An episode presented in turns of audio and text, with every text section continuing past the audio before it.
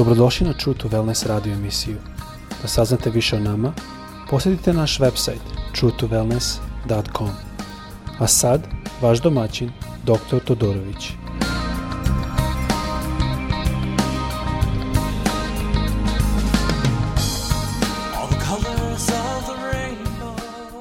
Dobar dan, dragi slušalci. Želim vas pozdraviti iz Florida.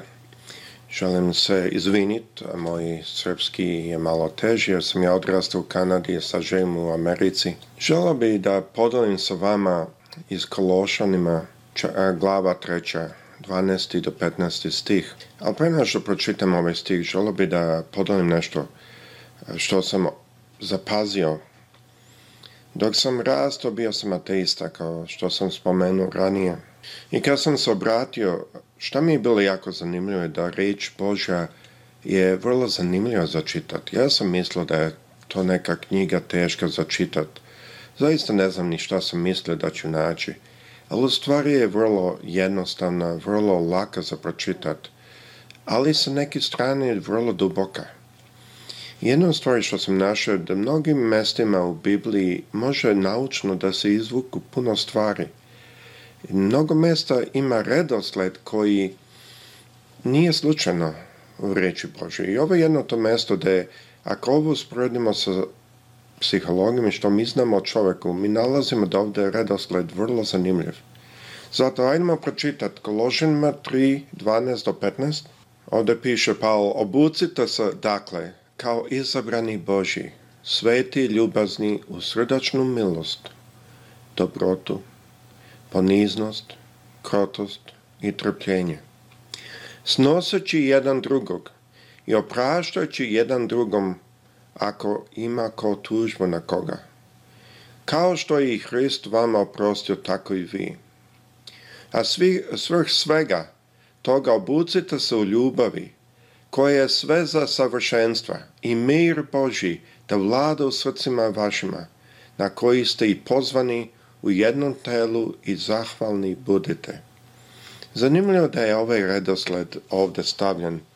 I ako pogledate vidjet ćete da prvo se radi o tome sabučemo u srdačnu milost, dobrotu, poniznost, krotost i trpljenje. I e sada da usporedimo to sa ljudskim stavom. Ovdje u Americi bila jedna studija što je pokazala kada prezident, bilo koji prezident Amerike pokaže ljutinu, da ljudi svačaju da je bolji vođa. Ali ljudi vole više da, da, da vide milost, dobrotu, poniznost. Zanimljivo kako mi to gledamo. Jedno vidimo kao vodstvo, a u stvari želimo drugo više. Ovo se radi o hrišćanskom stavu.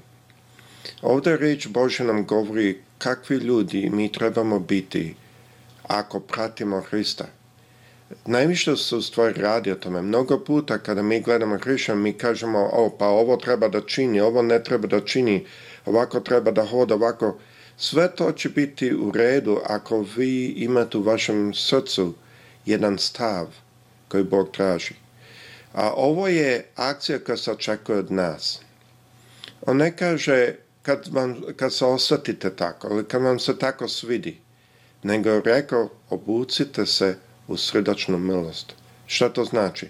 Kad neko gleda napolje na vas, sve što vidi je srdačnu milost, dobrotu, poniznost. A to znači. ovo je izvor moći. Zašto? Zato što je osnovan na ljubavi i na dobroti, mi kažemo na engleskom, ne znam da na našem se tako kaže. To je prvi korak, ali to je samo prvi korak. Ako pogledamo sada na drugi korak, Drugi korak kaže, jednom kada stavite hrišćanski karakter, možete da nosite jedne druge. Zašto? Zato što osoba koja nosi u nekog, ta osoba je jača. Ali suprotno što smo mi navikli, pogotovo da u Americi, ovdje i to i među hrišćanima, nažalost, kad je neko jači ili neko ima više kontrole ili influenza, kažemo, utiska na druge, on počne da komandira, počne da kaže ja želim ovako, meni ovako treba, ovako mi prija. Ali Biblija kaže ne. Ona nam daje jedan slik, jednu sliku da mi nosimo jedan drugoga. Znate kada u ratu, kada neko bude ranjen, drugi dođe koji je jači i podigne ga i nosi ga. I taj što ga nosi, on čini sve, on radi sve da bi ovog spasio.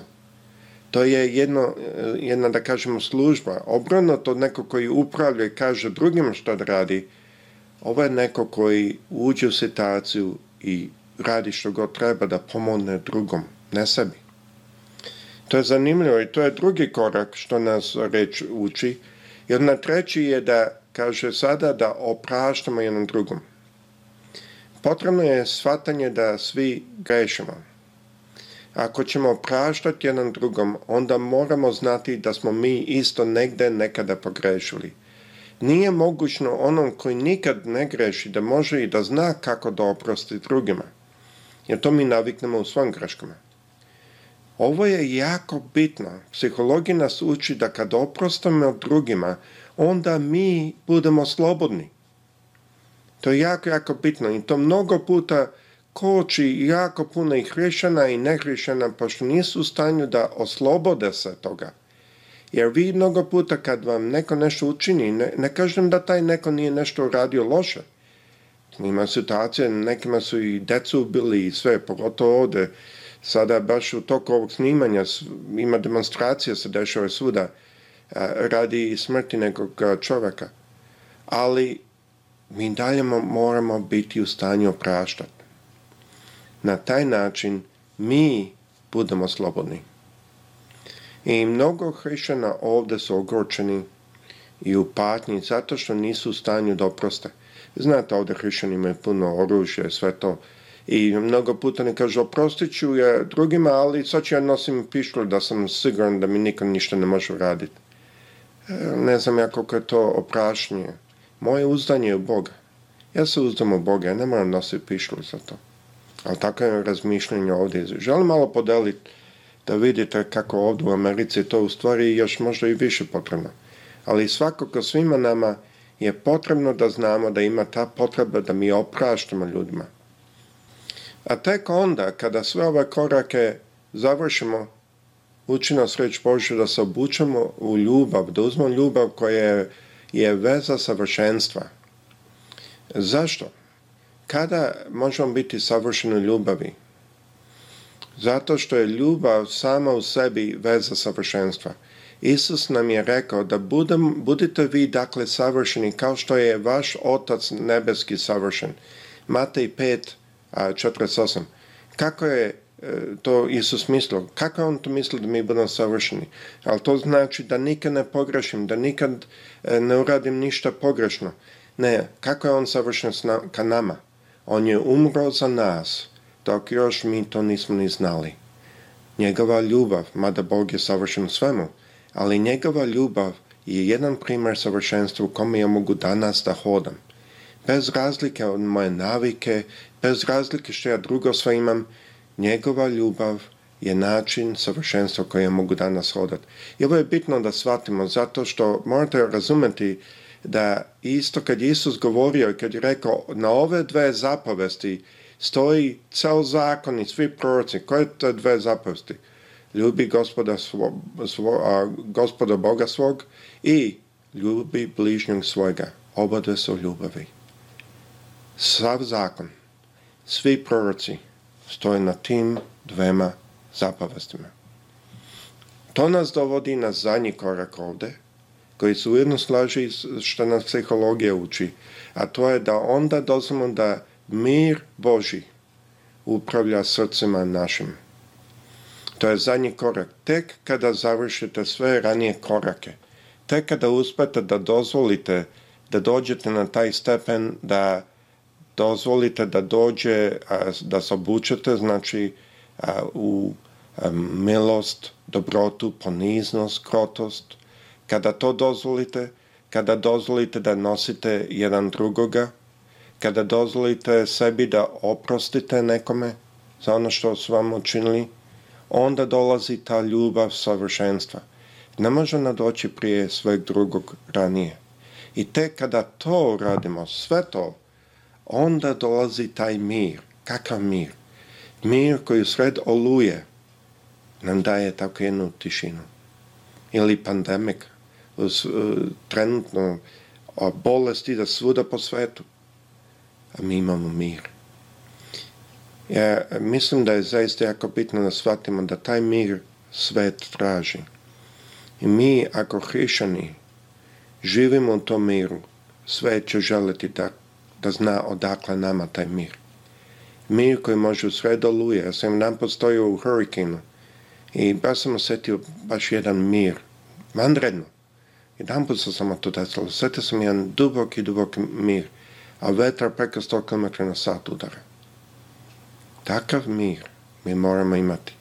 Ali reći Boži nas uči da to moramo kroz sve ove korake proći da bi došli na taj mir. Gospod sa svima vama, pozdrav i želim vas posjetiti da naša emisija emituje svaki utorak, četvrtak i subotu. Gospod s vama, prijetno.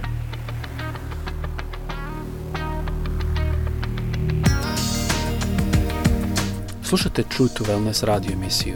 Pridružite nam se ponovo svaki utorak, četvrtak i subotu.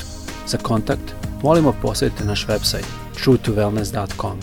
Naša email adresa je info at truetowellness.com.